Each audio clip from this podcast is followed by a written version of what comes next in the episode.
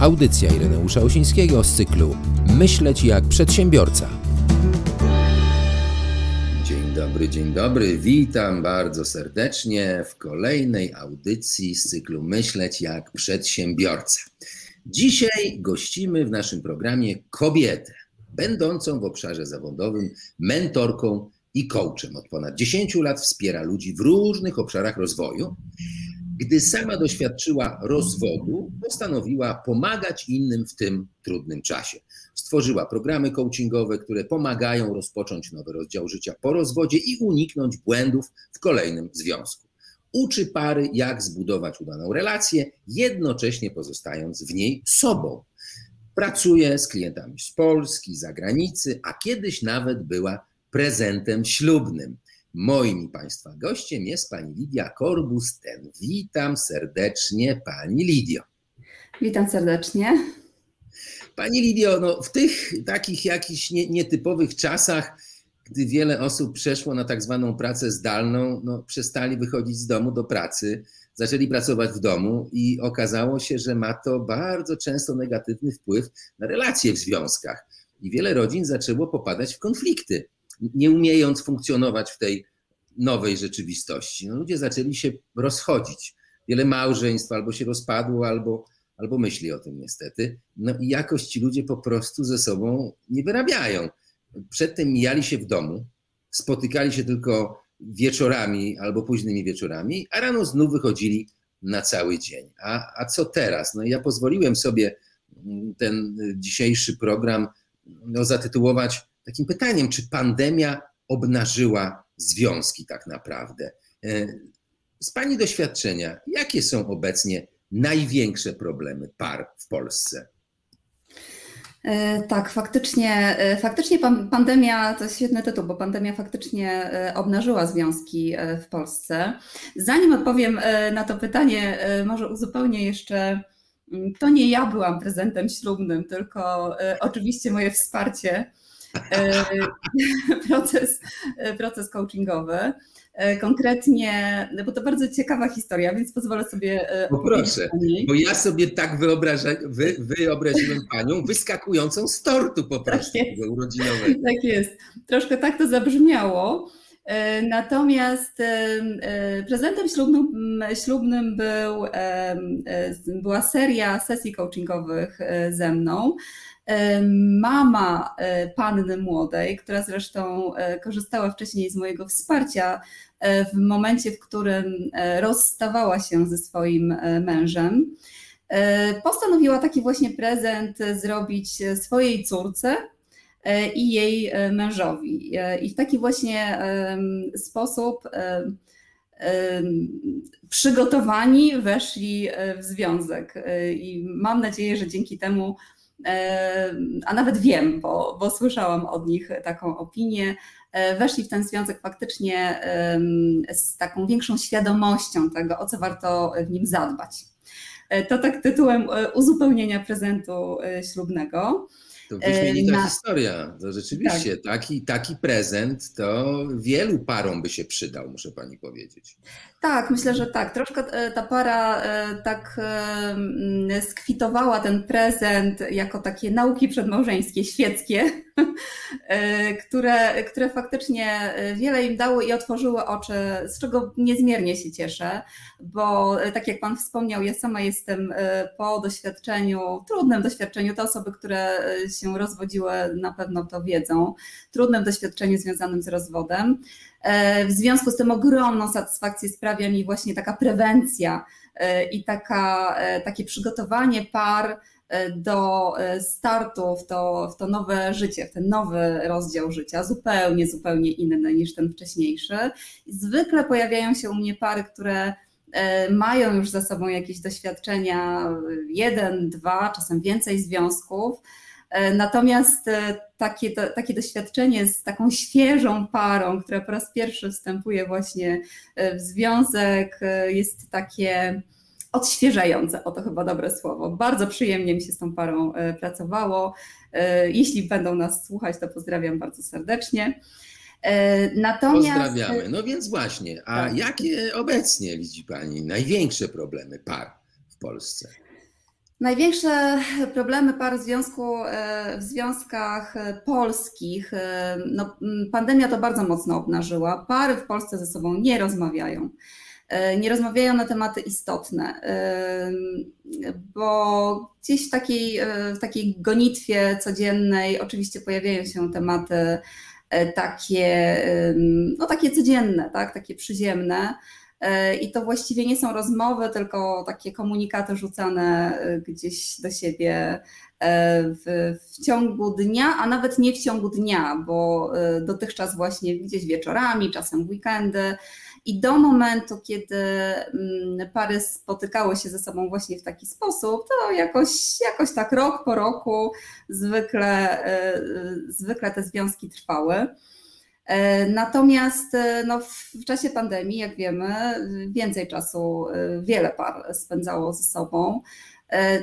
I mm, to jedna z moich klientek ostatnio powiedziała, że mm, w czasie pandemii okazało się, w jej związku i niestety w wielu innych związkach również, że nie tylko ze swoim partnerem się nie kochają, ale też nawet się już nie lubią.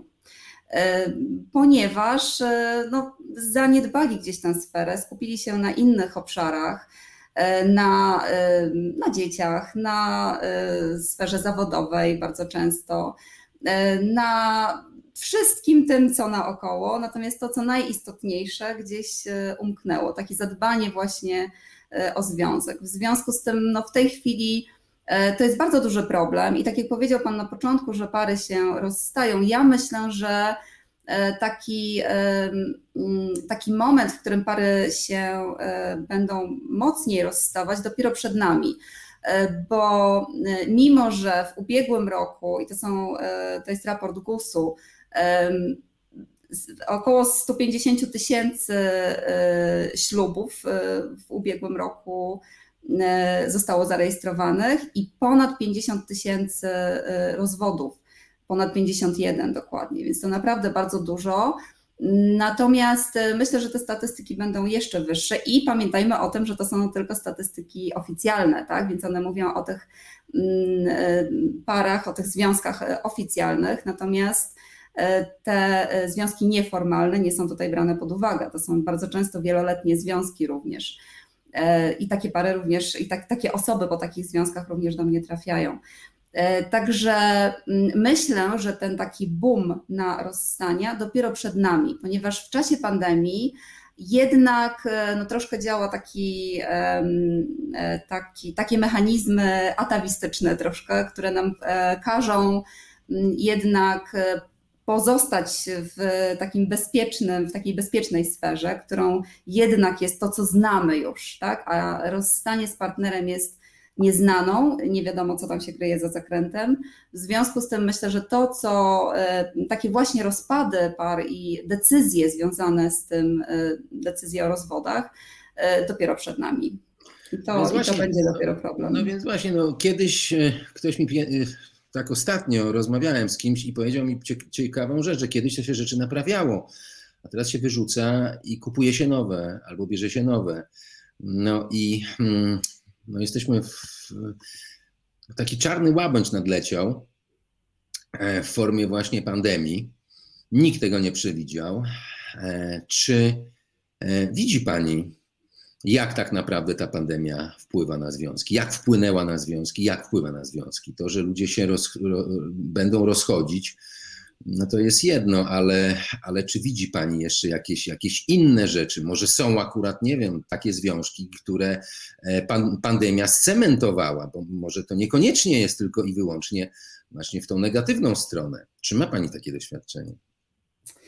No właśnie, ja pracuję z takimi parami, które właściwie nawet już nie parami, tylko z takimi osobami, które e, albo są w takim momencie, w którym się już rozstają, albo są przed decyzją rozstania i przychodzą po to, żeby sobie zaplanować, e, zaplanować po prostu i rozstanie, i zaplanować ten kolejny etap albo są już po rozstaniu i, e, i przychodzą, żeby mm, żeby po pierwsze e, uporać się z emocjami, które towarzyszą takiemu momentowi, e, a po drugie właśnie zrobić konkretny plan i, i ruszyć do przodu po, po takim rozstaniu.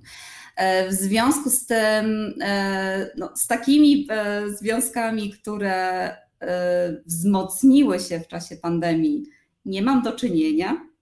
Do mnie trafiają ludzie, którzy, e, których związki się rozpadają. W związku z tym e, no, trudno mi jest powiedzieć e, coś na temat związku, który się wzmocnił w tym czasie, poza moim oczywiście, ponieważ o, o, ty, o tym nie powiedziałam, ponieważ oprócz trudnego doświadczenia, jakim jest rozwód, mam również w tej chwili bardzo udany związek, więc wiem, że to jest mo możliwe. E, I, e, i trochę tak, tak mam nadzieję, że inspiruje czasem moich klientów również takim, takim swoim przykładem. E, natomiast więc trudno mi jest wypowiedzieć się na temat tych związków, które faktycznie się wzmocniły, bo nie mam z nimi po prostu do czynienia. A te osoby, które do mnie trafiają, mówią właśnie o tym, że pandemia to był taki czas sprawdzianu, tak? taki, taki czas sprawdzianu nie tylko E, naszej miłości, ale też e, szacunku. E, czym się szanujemy? Czy ten szacunek objawia się na wiele sposobów? W czasie pandemii wiele kobiet, i to jest naprawdę realny problem, przejęło 90% obowiązków domowych, jeśli nie więcej. Wiele kobiet zrezygnowało z pracy, ponieważ, no i to nie jest chyba tajemnicą, E, bardzo często kobiety zarabiają e, mniej w Polsce, zresztą nie tylko w Polsce. W związku z tym e, to taki trochę naturalny wybór był.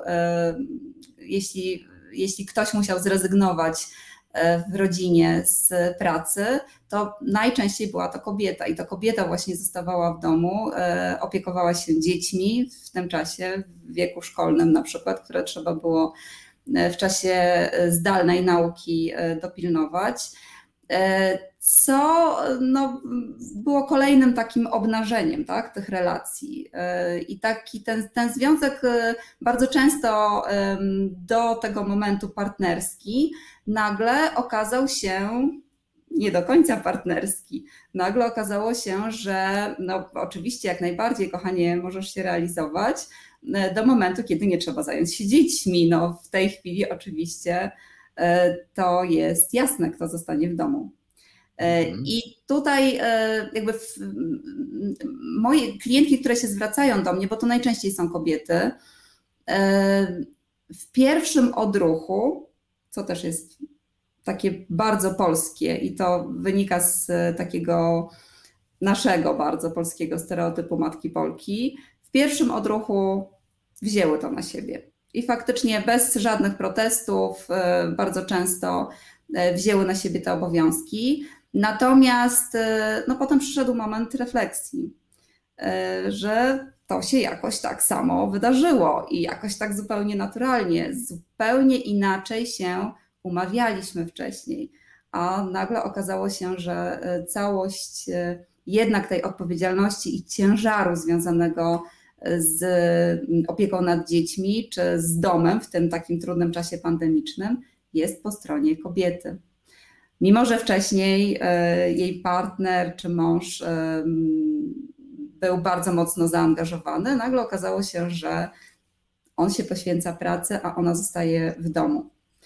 Do tego, do innego schematu już kobiety były przyzwyczajone.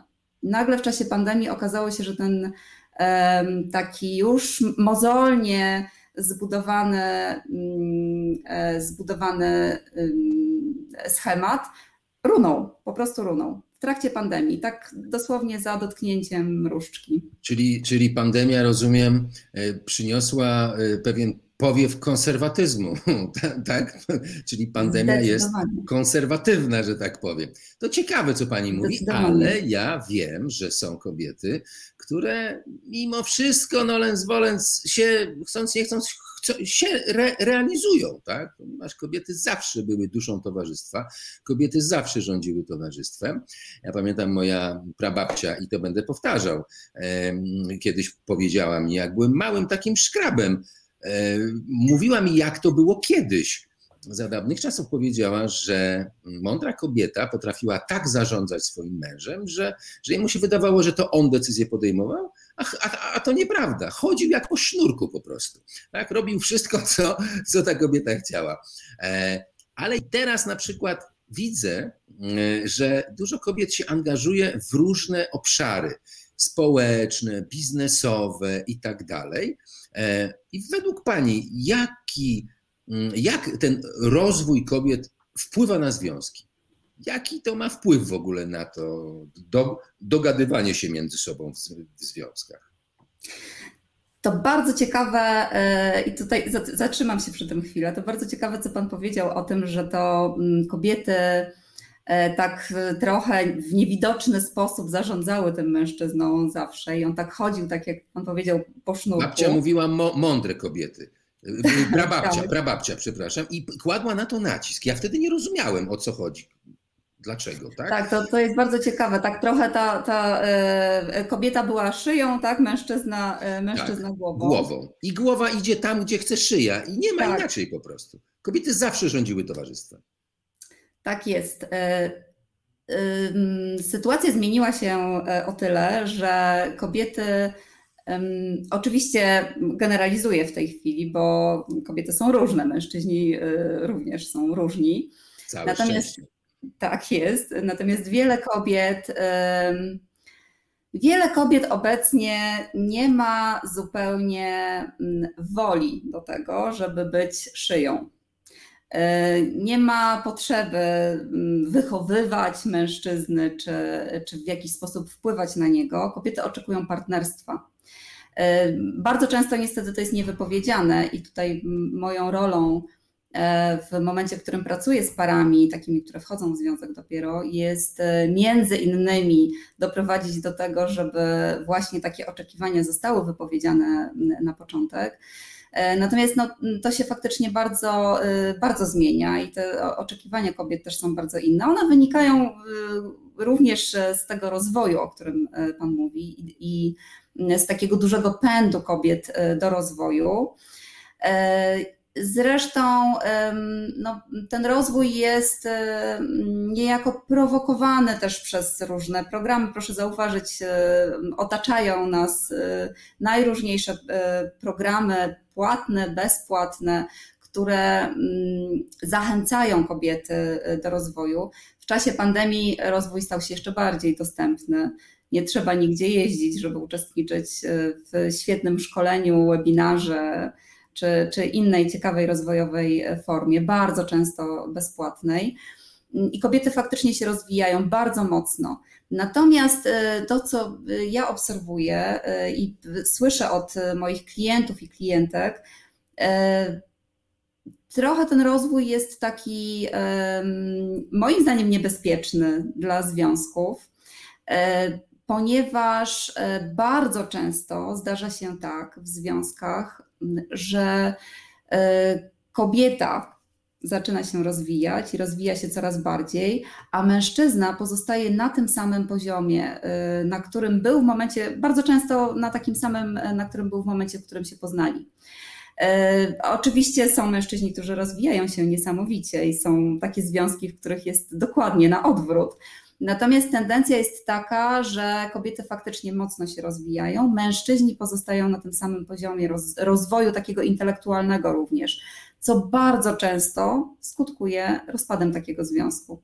Dlatego e, jednym z takich elementów, na które też zwracam uwagę, z, e, pracując z parami, jest właśnie e, ten wątek. On jest niezwykle istotny, ponieważ ja mam wrażenie, że o tym się zapomina, tak społecznie też. Zapomina się o tym, o takim przypominaniu również mężczyznom, o tym, że jest mnóstwo form rozwoju. Mam wrażenie, że tak mocno gdzieś skupiamy się na tym, że to kobiety mają się rozwijać, i oczywiście jak najbardziej powinny, i jeśli tylko chcą tego.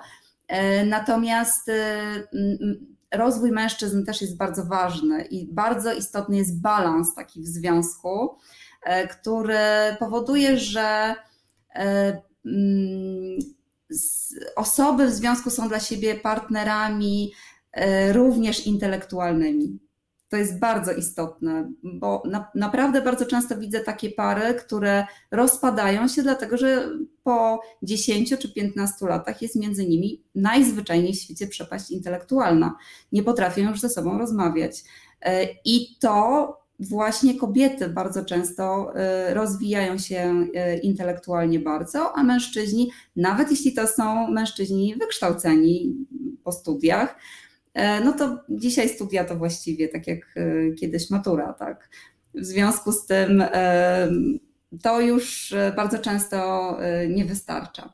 I ten rozwój kobiet jest z jednej strony oczywiście czymś wspaniałym i jako kobieta no, cieszę się niezmiernie, że, że kobiety się rozwijają, a z drugiej strony zawsze warto w związku zadbać, e, jeśli to ma być związek udany, e, o, no, o balans, tak? o takie zadbanie o obie strony. Mhm. Jest taki obszar, e, który, którym jak ludzie się nie rozwijają, to dochodzi do wielu nieporozumień. Ludzie po prostu nie potrafią bardzo często ze sobą rozmawiać. Rozmowa jest nerwem życia. Mało kto uczy komunikacji i efektywnej komunikacji opartej na szacunku, na poszanowaniu inności. Różnice ponoć się przyciągają, e, uzupełniają się, aczkolwiek też jest mit tych dwóch połówek jabłuszka, tak, że Niekoniecznie tak w życiu bywa, ale można się dotrzeć. Ale czasami dochodzi do zgrzytów, do iskrzenia i te pierwsze nieporozumienia, znaczy pierwsze, w ogóle, no, na, znaczy pierwsze y, te pandemiczne, tak, jak się okazało, że się mijaliśmy, tak, i rozmawialiśmy o niezbyt istotnych rzeczach, oby tylko ten związek przetrwał, to potem, jak jesteśmy razem, to zaczynamy dostrzegać takie rzeczy, których wcześniej żeśmy nie dostrzegali, i może pewne rzeczy zaczynają nas denerwować, irytować. W ogóle zaczynamy dostrzegać, że myśmy wcześniej tego nie widzieli. Boże drogi, czy wcześniej też tak było? Dlaczego ja tego nie dostrzegałam albo nie dostrzegałem? No i bardzo często dochodzi do sytuacji takiej, że na początku ludzie nie mówią o tym, bo nie wiedzą, jak to zwerbalizować, żeby nie urazić, żeby odpowiedni, znaczy nieodpowiednich słów nie użyć, ale to jest trochę tak, jak takie gotowanie w takim szybkowarze. Jak tam buzuje, to żeby nie wyciekało, nie, nie wywalało, to się dociska, dociska po prostu, to, ale no to ciśnienie wreszcie już jest tak duże, że jak to wywali, to po prostu ludzie potrafią się pokłócić o jakąś pierdołę, a to w ogóle nie o to chodzi, tak? I teraz pytanie, co zrobić, aby się nie pokłócić? Co zrobić, aby się nie kłócić? Bo ja rozumiem, że czasami kłótnia bywa oczyszczająca, no ale czasami jest szalenie destrukcyjna. Z Pani doświadczenia, co zrobić? Tak jest, dokładnie. To jest jeden z elementów, które poruszam e, z parami. E, bardzo, bardzo dużo e, mojej pracy z parami to jest praca właśnie związana z komunikacją. I faktycznie tego powinno się uczyć w szkołach. I to niesamowite, że, że nadal w szkołach nikt tego nie uczy. Bo myślę, że zaoszczędziłoby nam, by nam to wielu cierpień. E, natomiast e, mm, no, to nie trzeba było pandemii e, do tego, żeby, żeby taki, taki właśnie mm, proces, o którym Pan mówił, zachodził. Tak? Bo na początku zwykle bardzo mało tych takich prawdziwych rzeczy w sobie widzimy. To jest moment euforii, pierwsze pół roku do roku. To jest moment, w którym wręcz bardzo chcemy dostrzegać wszystkie te elementy, które które są takie pasujące nam, tak? W ogóle ten mit e, połówek jabłka e, jest, jest jednym z moich ulubionych mitów.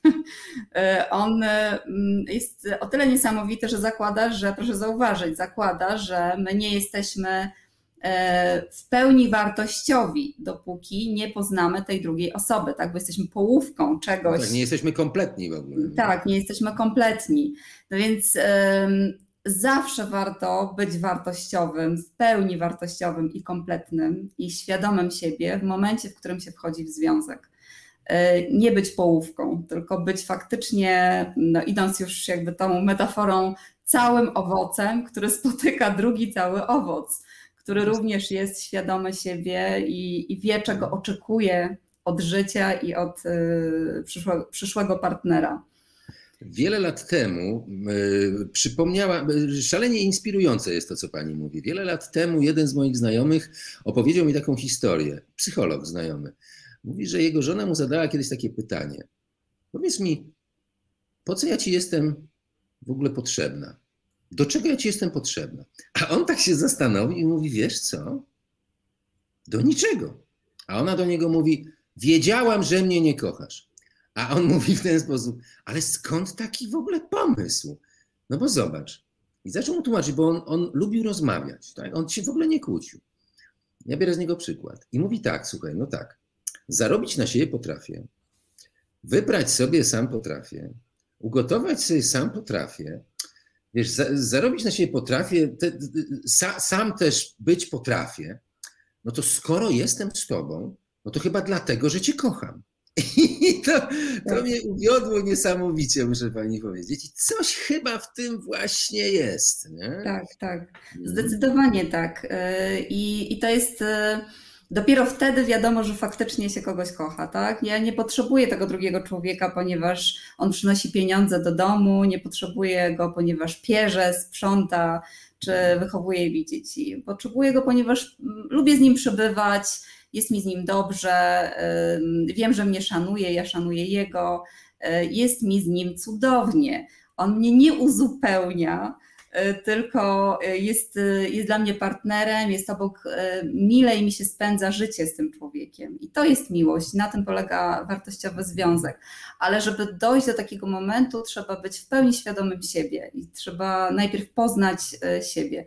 Dlatego zawsze pracuję najpierw na tym, co co, jakie zasoby faktycznie mają moi klienci i z czym przychodzą też e, ze swoich rodzin, bo bardzo wiele schematów mamy wdrukowanych e, bardzo, bardzo mocno jeszcze ze swoich takich doświadczeń dzieci, z dzieciństwa. Obserwujemy, czy tego chcemy, czy nie, obserwujemy swoje rodziny, swoją mamę, swojego tatę, w jaki sposób się zachowywali, w jaki sposób ten związek wyglądał, E, I potem przenosimy te, również czy tego chcemy, czy nie, przenosimy te schematy na swoje związki. Nawet jeśli bardzo tego nie chcemy, to i tak przenosimy je na swoje związki. No więc właśnie ostatnio, e, ostatnio y, gdzieś przeczytałem, już nie, nie pamiętam gdzie to było, e, Wojciech Eichelberger powiedział coś takiego, że jak się pyta faceta, jak sobie wyobraża swoją partnerkę, jaka ona powinna być, no to mówią, że dobra, ciepła, czuła, opiekuńcza i w ogóle. Tylko on powiedział, że coś im się chyba pomyliło, to, to matka taka jest, a nie, a nie, a nie partnerka, tak? No i faceci, tak, tak jak tak. pani mówi, tak, no jest to taki skrypt silny, że faceci wybierają sobie bardzo często matki zamiast partnerki. No i teraz ja mam takie pytanie do pani. Tak. O co warto zadbać w ogóle na początku związku, żeby ten związek był udany i trwały, żeby nie trzeba było wymieniać na lepszy model co jakiś czas. Bo są takie badania nawet, że po 13 miesiącach nagle się okazuje, jakieś tak, y, już nie pamiętam kto przeprowadził te badania, ale gdzieś to słyszałem, tak, że jest 13, około 13 miesięcy na to, żeby potem się okazało, że no, trochę inaczej zaczynamy postrzegać naszą tak zwaną drugą połówkę. Tak, bo, y, bo te, y, te pierwsze, ten pierwszy y, rok, pół do, do roku, to jest właśnie ten moment euforii takiej, tak, w której nie tylko nie zauważamy swoich wad, ale wręcz doszukujemy się tych zalet, które chcielibyśmy w tym takim swoim idealnym partnerze, bo my dokładnie wiemy, jaki ma być ten idealny partner i trochę tę, tę e, osobę, która, którą poznajemy, dopasowujemy po prostu do tego e, ideału, który sobie wymyśliliśmy. I to jest właśnie ten pierwszy okres. Natomiast później, po tym okresie euforii, zakochania tak zwanego, nagle zaczynamy dostrzegać, że no tak trochę odstaje ta, ta um, druga osoba, którą poznaliśmy, od tego idealnego e, wzoru, który sobie wymyśliliśmy. Aha. I o co, wa- o co warto zadbać od początku, żeby, i to najlepiej właśnie zadbać o to właśnie w tym momencie zakochania, euforii, czyli w tym pierwszym roku. Przede wszystkim o to, mm, żeby poznać siebie, poznać siebie nawzajem, poznać siebie najpierw siebie, e, i dowiedzieć się, czego ja właściwie chcę od tego. Ale partnera. to się można się poznać tylko na psychoterapii. Ja, ja, chyba, chyba nie znam innego sposobu, jak można poznać siebie. Tak? No, no może są jacyś ludzie, którzy, którzy zainspirowani jakimiś, nie wiem, książkami czy coś, potrafią dotrzeć do tego, ale to nie jest łatwe wcale. Tak? Tutaj potrzebny jest drugi tak. człowiek, zwłaszcza psychoterapeuta, bo do psychoterapeuty według mnie oczywiście nie chodzi się po to, jak je, znaczy wtedy jak jest się chorym psychicznie, tylko jeżeli ja się chcę czegoś o sobie dowiedzieć. I coś mi się wydaje, tak. że teraz właśnie ludzie zaczynają, znaczy zaczyna to do nich docierać, tak, że ja chcę zobaczyć, co we mnie siedzi tak naprawdę. No, jedną z moich klientek jest w ogóle psychoterapeuta, no, no i, i, i rozmawiamy na ten temat, tak? Tak jest. Mm. Trudno się, y, trudno jest, y, Panie Ireneuszu, trudno jest y, mm, jasno sprecyzować, czego ja oczekuję od drugiej osoby, skoro, skoro ja tak naprawdę nie wiem, czego chcę. I faktycznie od tego zawsze warto zacząć. I tutaj no, warto jest skorzystać oczywiście z, ze wsparcia specjalisty, czy psychoterapeuty, czy, czy coacha takiego jak ja, bo moja praca e, z moimi klientami polega głównie właśnie na poznawaniu siebie, tak? I o, sprawdzaniu, czego ja właściwie chcę w życiu, jakie są moje wartości, co jest dla mnie istotne, i dopiero z taką informacją można ruszyć w jakąkolwiek relację, czy relację intymną, czy relację zawodową. Dopiero wtedy mogę wiedzieć, czego ja oczekuję e, od drugiej strony, niezależnie od tego, czy to jest związek e, e, małżeński, czy, czy jakaś inna relacja. To jest niemożliwe, żeby wiedzieć, czego ja oczekuję od drugiej osoby, jeśli ja sama nie wiem, czego, czego ja właściwie chcę, co jest dla mnie ważne, tak? jakie wartości są dla mnie istotne. Natomiast właśnie, bo, mhm, bo, bo jest taki, taki żart, ilu psychologów jest potrzebnych do zmiany żarówki no żarówka sama powinna chcieć się zmienić, tak? No żeby, żeby coś ze sobą zrobić, to trzeba wiedzieć, że no coś tam y, nam interweniuje, nie? I jeszcze tak y, przyszło mi do głowy, bo y, fajną rzecz pani powiedziała o tym, że, że, że na początku jest ten, jest ten okres mitów, bo ja tak zauważyłem, że ludzie żyją w pewnym cyklu. I to w związkach, i w obszarze zawodowym, i w innych rzeczach. Że na początku ludzie żyją w tym obszarze mitów, że będzie pięknie, cudownie, ta droga będzie taka prosta, niewyboista i w ogóle.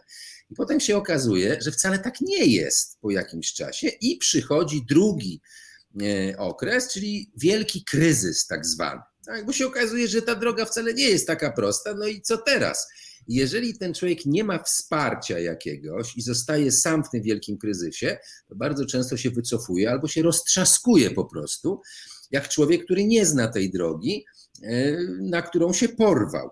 Jeżeli ma wsparcie, na przykład panią, tak, która pozwoli albo, albo wskaże, że on będzie ten kryzys i że trzeba się na niego przygotować, tak, trzeba odpowiednio, że tak powiem, tam nie wiem, ugiąć nogi, prawda, żeby, żeby po tych muldach odpowiednio przylecieć, e, no to potem mamy realizm, tak? Czyli ten realizm, e, w którym możemy funkcjonować. Ale tu jest też pułapka i nie wiem, czy się pani ze mną zgodzi, e, bo ten realizm potem przechodzi w rutynę, tak? Bo my, na, nam się zaczyna wydawać, tak? że no, teraz to ja już wiem, co mnie czeka, teraz to ja już wiem, że coś tam, teraz to już mnie nic w ogóle nie zaskoczy.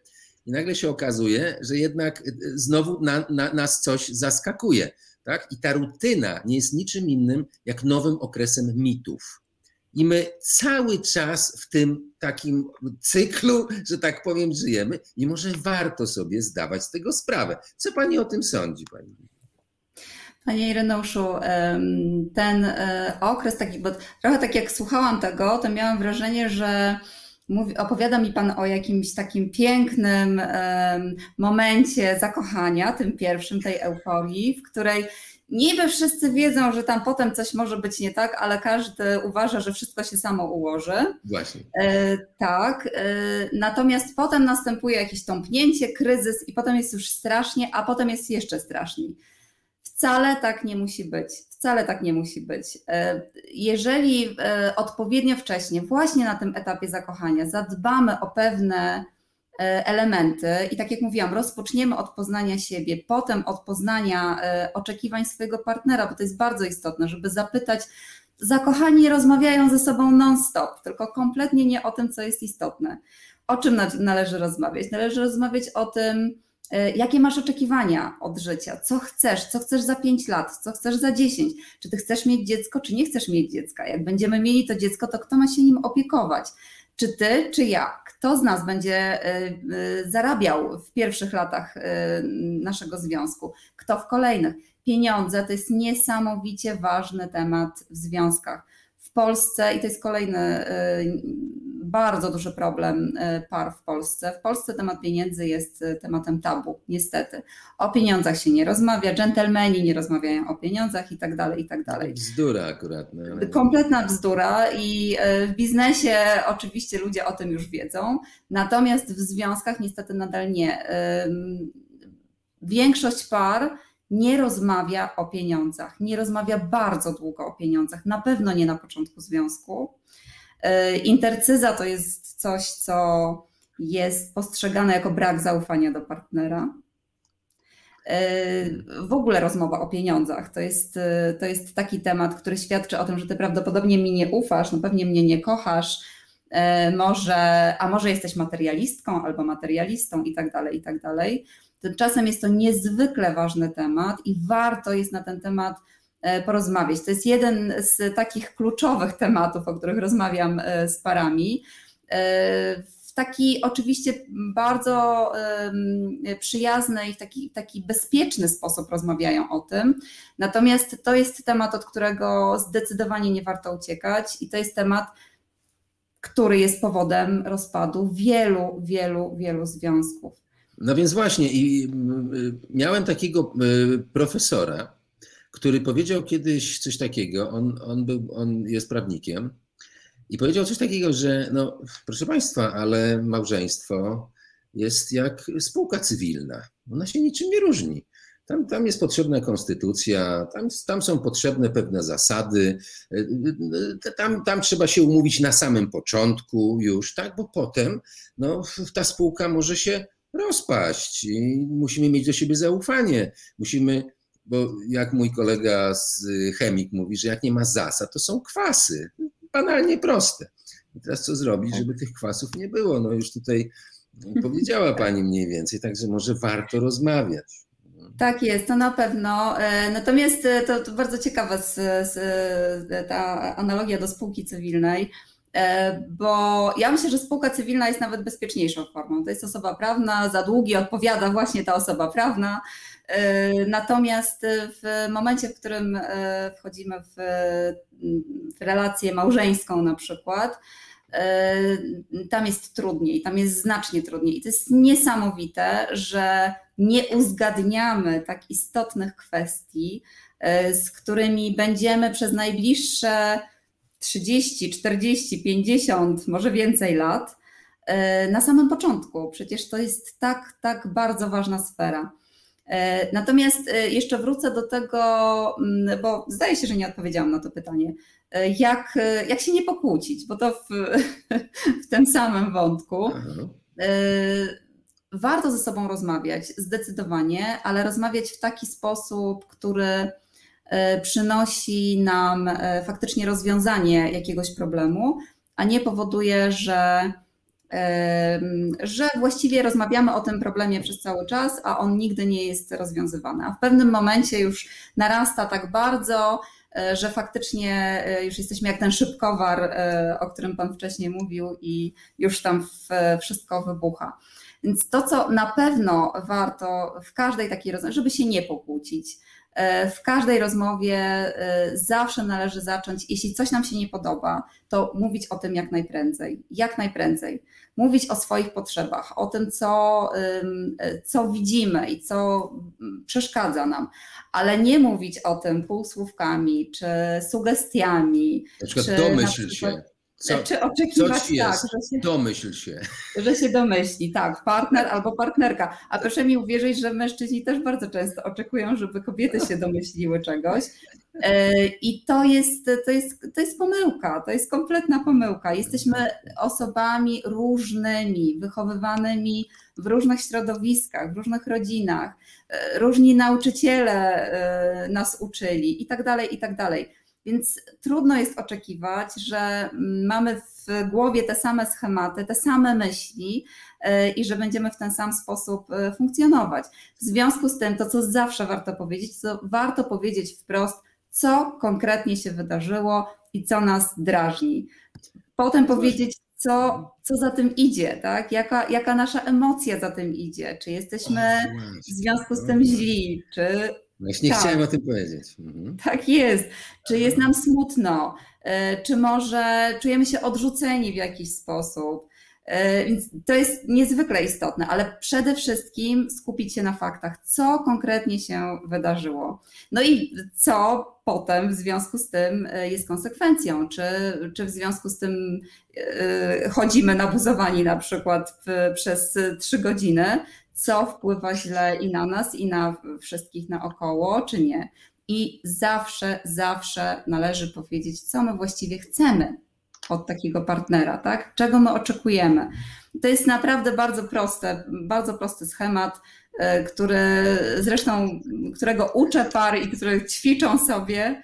I on potem już staje się zupełnie, zupełnie naturalny. No więc właśnie to trzeba ćwiczyć, bo to niby jest proste, ale, ale nie jest łatwe i czasami się po prostu na siebie obrażają ludzie i są tak zwane ciche dni. Taki dowcip był kiedyś, jak to e, właśnie małżeństwo miało takie ciche dni i mąż napisał kartkę do żony obudź mnie o szóstej. Jej położył tę, tą kartkę. Budzi się rano, żony już nie ma, przerażony y, patrzy na zegarek, a jest godzina ósma, a obok leży kartka. Wstawaj, już szósta. No w ten sposób no tak. się nie da. Nie da się dogadywać. Ma nie pani rację.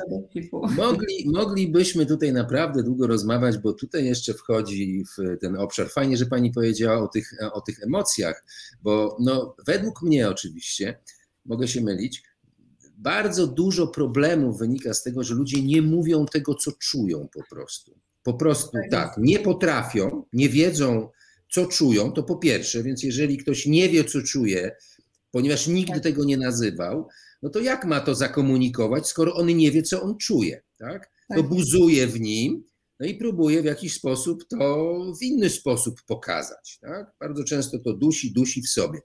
E, I taki przykład, już nie pamiętam, gdzie ja ten przykład słyszałem, jak e, prosty, prosta zmiana komunikatu może, może pomóc. Jak na przykład przychodzi mąż do domu i się spóźnił. To jest taki mój sztandarowy przykład. I żona mówi na niego tak, wściekła jest na niego, krzyczy na niego, mówi: Ty nigdy nie przychodzisz punktualnie, zawsze się spóźniasz, bo podobno tam nigdy i zawsze to są ulubione słowa kobiet. No i on, czując się zaatakowany, bo to jest atak ad personam, musi się bronić. Jest, a ty to i jest kłótnia na ten. A jeżeli ona by inaczej jakby sformułowała ten komunikat i powiedziała w ten sposób, że wiesz co, jestem na ciebie wściekła, jestem zła jak jasna cholera. No on nie może powiedzieć, że nie. No jak? Powie, nie, nie jesteś wściekła, no nie da rady po prostu.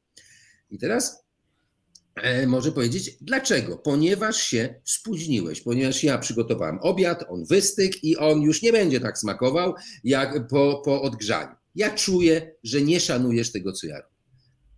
No i to jest jasny komunikat. Ona mówi o tym, co ona czuje, i ciężko temu, nie wiem, zaprzeczyć. Tak?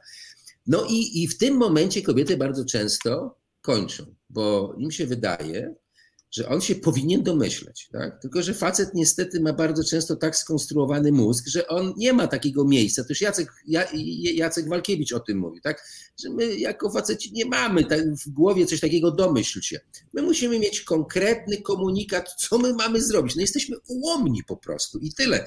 I, i, i przecież są badania na to, że kobiety mają o wiele więcej połączeń nerwowych niż faceci. Tak? Te synapsy tam są inaczej połączone, są bardziej że tak powiem, kobiety są bardziej wrażliwe, więcej widzą, więcej zauważają. Tak?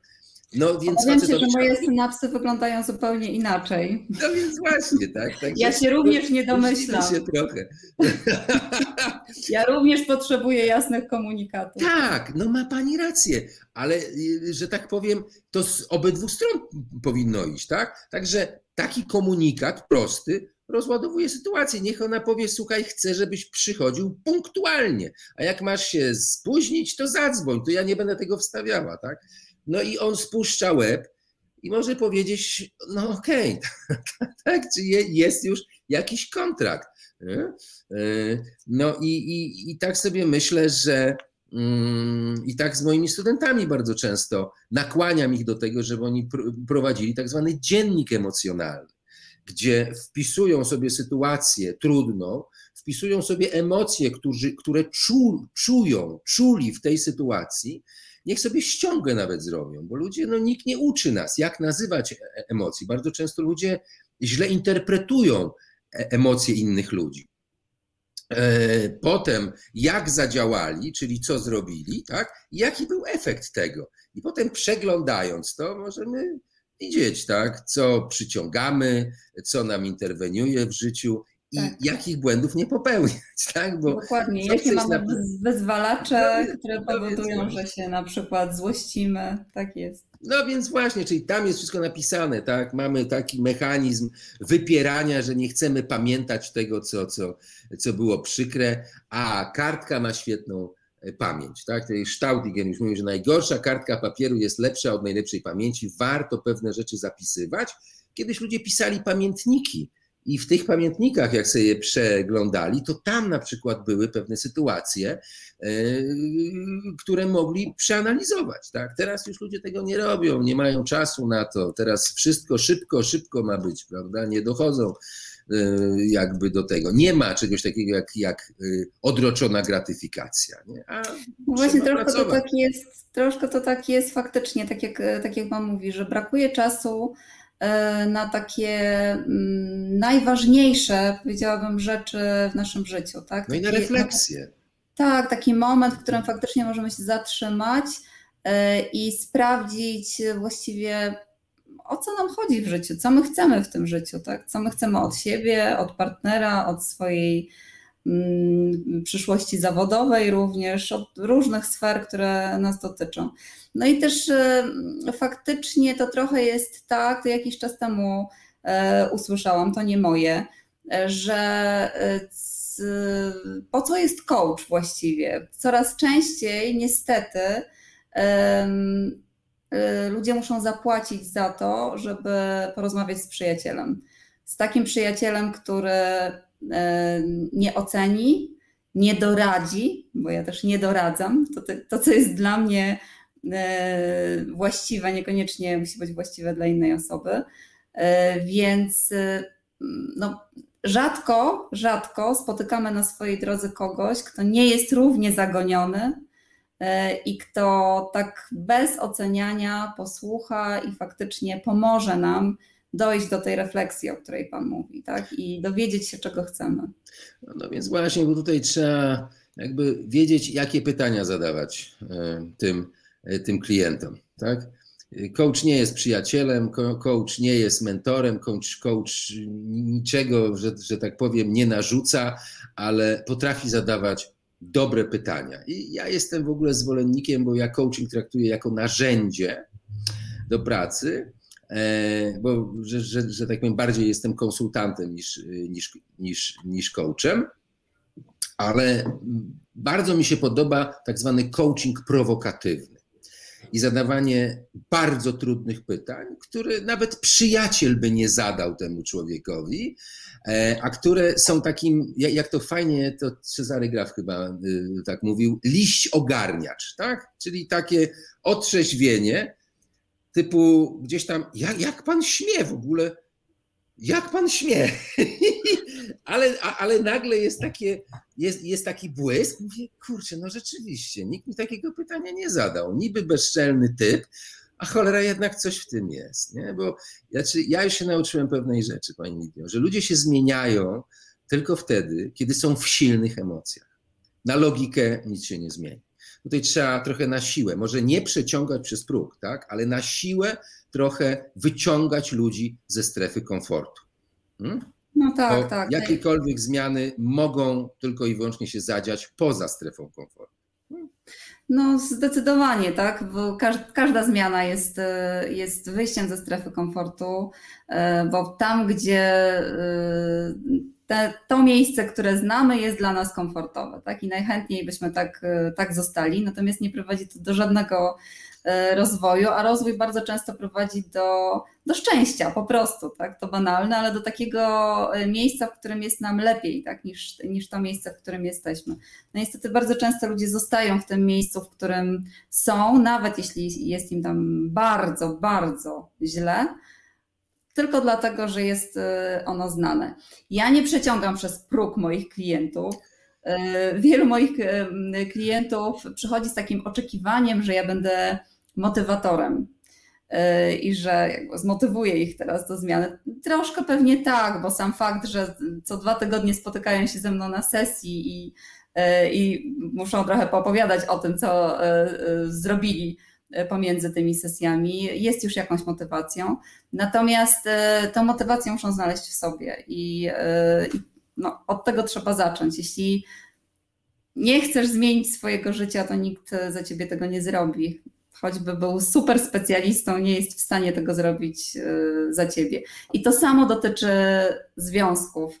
Jeśli obie osoby, obie osoby, nie jedna, y, nie chcą, y, żeby ich związek był udany, to to się po prostu nie uda dwie osoby muszą faktycznie tego chcieć y, i muszą podejść z taką otwartością do tego związku i z taką ciekawością. Jeśli rozbudzą y, ją w sobie od samego początku, to ten etap, o którym Pan powiedział, taki późniejszy, czyli etap, w którym faktycznie już trochę te różowe okulary y, odchodzą w niepamięć i widzimy również wady po prostu wady naszego partnera czy partnerki i ten kolejny etap, w którym wchodzimy już trochę w rutynę, one naprawdę nie muszą być straszne. Jeśli faktycznie rozbudzimy od początku na tym pierwszym etapie taką ciekawość związaną z partnerem czy z partnerką, a potem będziemy ją już tylko wzmacniać i podsycać. To jest klucz do sukcesu w związku. Szalenie inspirująca rozmowa. Bardzo Pani dziękuję, Pani Lidio, i do zobaczenia. Dziękuję serdecznie. Do zobaczenia.